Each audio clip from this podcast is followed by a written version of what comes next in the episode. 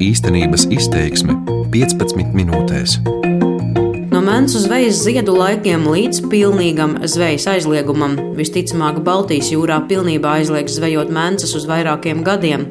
Atļautas būs vien piezvejas. Ko šajā laikā darīt zvejniekiem, kuri specializējās tieši uz mēnesu zveju? Vai atjaunos iespēju sagriezt kuģus, vai zvejnieki kļūs par turistu izklaidētājiem. Uz šiem un citiem jautājumiem Liepājā sarunājoties ar vietējiem zvejniekiem, šoreiz īstenības izteiksmē atbildes meklēšu es, Inga Ozola.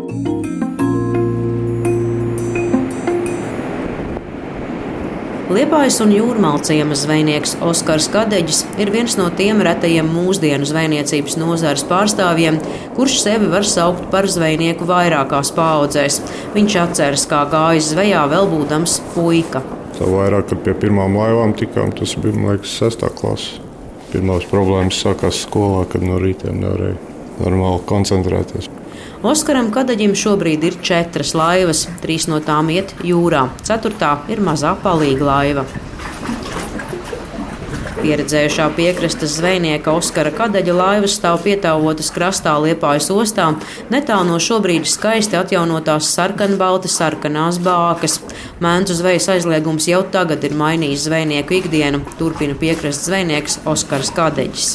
Nu, rudenī mēs tikai mēnesi zvejojam, tas no laika gala. Pavasarī mēs tā kā limita katru gadu vien mazāk paliek. Mēs, mēs to mēnesi vispār nezējam, cenšamies to pašu grundulu zējot un pārējo iespējamo zivu arī. Bet no rudenī mm, nav citu, ko zējot. Zējam to, kas pienāk piekrastē, kā tas no laika gala bijis. Ko tagad darīsiet? Liepais piekrastē vēl var zvejot nu, uz ziemeļiem no liepais līdz jaunam gadam. Nu, bet man ir divas pašvaldībās ir limits. Es, uz dienvidiem es nevaru iet. Nu, tad izlēmām arī stāvēt, jo arī piekrastnieki var pretendēt uz kompensācijām. Nu, tā kā tā, tad mēs no 1. septembra stāvam. Taču arī kompensācijas nepienāks visiem, un nav arī tā, ka tagad visi varētu iet pieteikties bezdarbniekos, turpina Oskars. Ļoti maz saņems kompensācijas, jo tur ir ļoti daudz noteikumu, lai atbilstu visam tam, kas ir prasīts. Un pagaidām neviens neko nesaprot, kas te būs tālāk, un gaida, kas notiks pēc jaunā. Zvejniecības nozarē vismaz 25 gadus darbojas Ervils Laugalis, pamatā zvejota mēnca. Ervils rāda kuģu sarakstus, kuri līdz šim galvenokārt nodarbojās ar mēncu zveju. Liegums vistiešāk skars piecas firmas ar septiņiem kuģiem, taču ir vēl pieci kuģi, kam bijis pārpraus mēncu zvejas limits, taču tie pārsvarā nodarbojas ar brētliņu un reņģu zveju. To, cik mēncas bijušas jūrā pirms 25 gadiem, un tagad to nevar salīdzināt, saka Ervils Laugalis. To viņa tiešām palika maza un izgriezt neko no viņas filēja nevarēja. Bija ātrāk tas vienkārši jādara. Un mēs bijām pieņēmuši lēmumu, visi, kas bija asociācijā biedri, jau kādu piecu gadu atpakaļ, ka mēs piedāvājām mēnesi liegumu jau uztaisīt uz diviem gadiem. Cik viņš tālu aizgāja, līdz kādām ausīm viņš tika un kas tālāk, ko es nedzirdēju, to es nezinu, bet fakts, ka mēs esam atgriežušies pēc kādiem pieciem, sešiem gadiem pie tā, ko mēs jau redzējām no agrāk. Par mēncu zvejas aizliegumu zvejnieki runājuši sen, atzīst Zemkopības ministrijas zivsaimniecības departamenta direktors Normons Rieksniņš. Tagad šis brīdis ir pienācis. Tika aicināts tiksim, noteikt eh, mēncu zvejas aizliegumu, un šajā laikā atbilstoši Eiropas likumdošanai būtu iespēja maksāt zvejniekiem kompensācijas.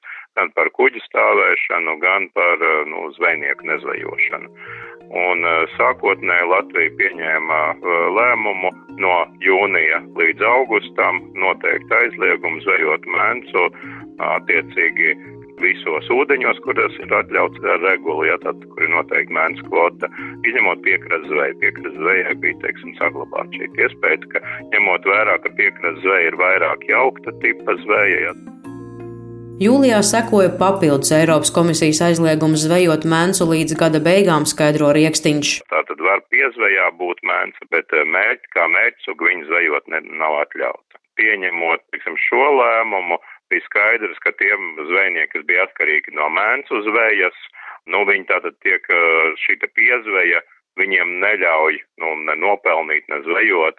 Līdz ar to mēs tagad izstrādājam jaunu uh, kārtību, kura varēs uh, saņemt kompensācijas, ja zvejnieki vispār nezvejos, uh, arī, teiksim, par šo Eiropas komisijas noteikto aizliegumu. Kompensācijas zvejnieki par nezvejošanu var saņemt no 1. septembra. Zvejnieki uzdod jautājumu, vai tiks piemērots nodoklis. Mums bija arī sanāksme zvejniekiem, kurā piedalījās valsts ieņēmuma dienas, kuri pēc tam arī atsūtīja savu komentāru. Viņi norādījuši, ka apliekams ir ar nodokli. Liepājā uzrunāja vairākus zvejniekus, kuriem pienāks kompensācijas. Par vienu darba dienu viņi saņem 39 eiro, kas ir vidējais atalgojums zivsaimniecības nozarē. Tātad šiem ieņēmumiem piemērojams arī nodoklis. Vladislavs strādā uz kuģa jau no 2000. gada, līdz pensijai palikuši četri gadi. Daļa mēnešu zvejas aizlieguma trīs mēnešus dzīvojuši bez naudas, viņš stāsta, bet tagad kompensācijas sāk saņemt. Nu, es nezinu, man, man liekas, ka mums ir aizliegums līdz decembrim mēnesim. Un decembrī mēnesī mēs varam iet zvejot pretlīnu, bet pretlīns arī vajag maz līmītas mums esot.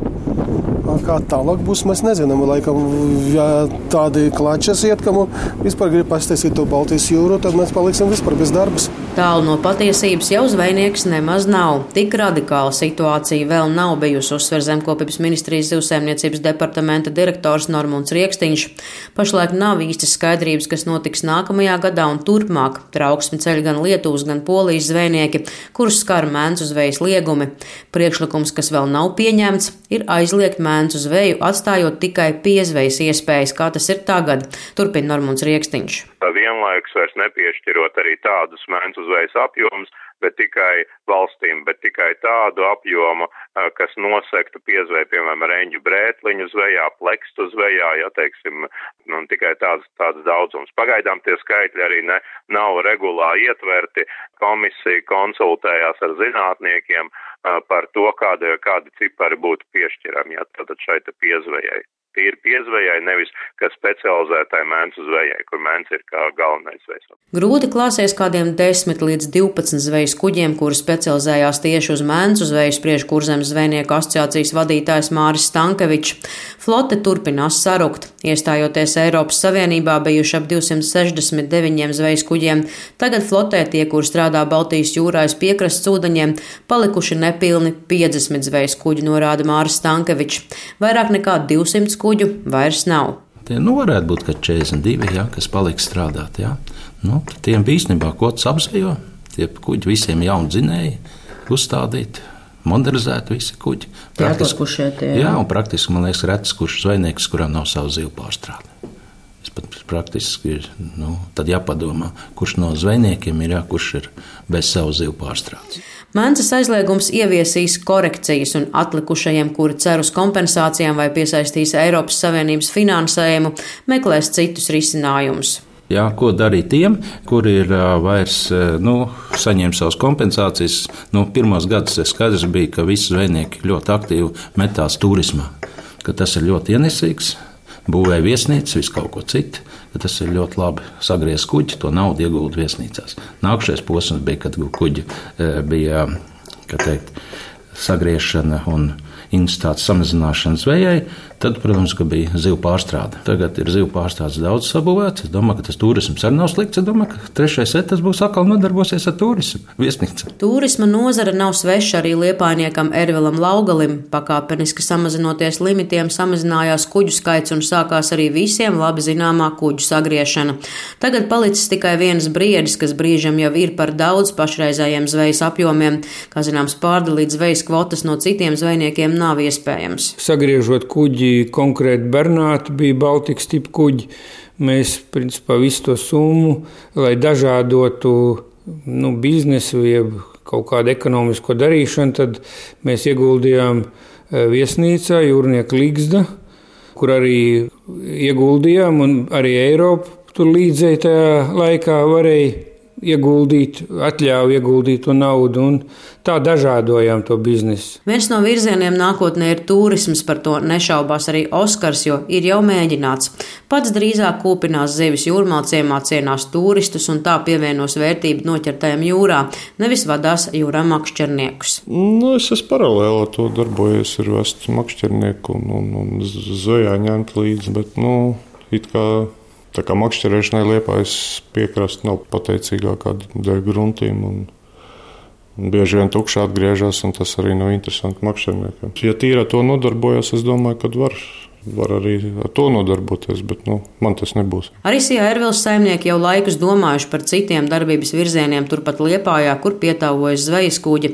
Senais spīķeris jau kļūst interesants turistiem un vietējiem. Tieši pašlaik tiek īstenots viens projekts vecajā ostmalā. Mēs vecā spīķerī, kā es teicu, mazu pārstrādes tā tāds cehiņš, ko mēs gribējām mēncām izmantot, un tagad, diemžēl, droši vien neiznāks pilnvērtīgi. Varbūt kaut kas tur atliks, bet nu, tad mēs domāsim, kādu citu zīvi tur pārstrādāt. Tur ir maz cehiņi. Mēs tomēr, ja, ja mēs sākuši esam, mēs gribam nobeigt un kaut ko tur darīt cehā. Jā, Varbūt būti, varbūt reņģi, varbūt kaut kādu nu, citu zīvi, kāda varbūt saldūdens zīve. Nu, redzēsim, kā ies varbūt kaut kādu importētu zīvi. Nu, tad tur būs maziņš, vecā spīķerī būs maziņš. Viņš bija domāts tā, tāda maza kafejnīca, kur to pašu izfilēto zīvi tūlīt svaigi var uzcept. Ja, kas tagad nezinu, kā tas viss izskatīsies. Un maz alus darītavu būs pavisam maziņa. Tā kā viss vienā vietā, tajā kafejnīcā būs pats savs salas un otrs puses savu zivu. Nu, cik tur savu viņi būs, grūti pateikt, bet nu, katrā ziņā Baltijas jūras zivi tur arī būs. Un es ceru, ka Oskars Kadīģis mums arī dos. Daudz nopietnāk mēncu zvejas liegums ietekmēs polijas zvejnieku stāstu Ervils Laugalis. Atklāts paliek jautājums, kā mēncu zvejas aizliegums mainīs pašmāju zvejnieku dzīvi. Zemkopības ministrijas zivsaimniecības departamenta direktors Normons Rieksniņš skaidro, kādas būs Latvijas prasības? Regulāri noteikts, ka kuģu iespējama griešana ir tikai līdz 17. gada beigām. Tātad tagad viņa vairs nav pieļaujama kā, kā tāda, nevis vai to mēs gribam vai negribam, bet viņa nav atļauta ar regulu. Un mēs aicinām mainīt šo nosacījumu, atcelt šo te, teiksim, ierobežojumu nu, ar to gadu skaitli, kā arī mēs cenšamies panākt, ka būtu iespēja arī pagaidu pārtraukšanai vēl turpināt maksājumus, jo atkal regula paredz ne ilgāk kā pusgadu visā, teiksim, šā te periodā līdz 20 gadam ir atļauts. Mēs šogad jau pusgadu samaksāsim zvejniekiem. Jā. Zvejnieks Oskars Kadaģis atceras, ka bērnībā mēnesis bijušas izmēros tiešām lielas. Tagad piekrastē lielākas pienāk agri pavasaros un nelielā daudzumā. Zinātnieku vidū nav īstas vienprātības, kas tieši ietekmēs mēnesu populāciju. Versijas ir dažādas, bet jau tagad esot skaidrs, ka zvejnieku nodarījums ir salīdzinoši niecīgs un zveja nebūtu nav galvenais faktors. Turpina Normons Rieksniņš tā lejupslīde gāja citu faktoru ietekmē, kur zinātnieki jāpēta, meklē, bet līdz galam nevar pateikt. Un viņi nevar pateikt, kā viņi ietekmēs tālāk, jo, teiksim, šo populāciju. Līdz pat aizrunājas līdz tam, ka Baltijas jūra nav īsti piemērota mencei kā sugai, ja pa maz sāļuma, pa maz skābekļa, ja teiksim, īpaši sāļuma pa maz, ja viņi ir, teiksim, tomēr sāļo ūdeņu iemītnieks, ja. Roņi ir atkal kļuvis daudz vairāk, un roņi ir starpsaimnieki mēncu parazītiem, ja teiksim, nu, attiecīgiem tārpiem, kas dzīvo pie mēncu aknām piesūkušies. Un, Kāda būs zvejnieku dzīve pēc pilnīga mēncu zvejas aizlieguma, cik kuģus sagriezīs vai arī nesagriezīs, kā mainīsies zvejas flote, šobrīd ir atklāts jautājums ar daudziem nezināmajiem. Īstenības izteiksmi veidoja es, Inga Ozola, bet par labskanību rūpējās Kaspars Groskops. Īstenības izteiksme 15 minūtēs.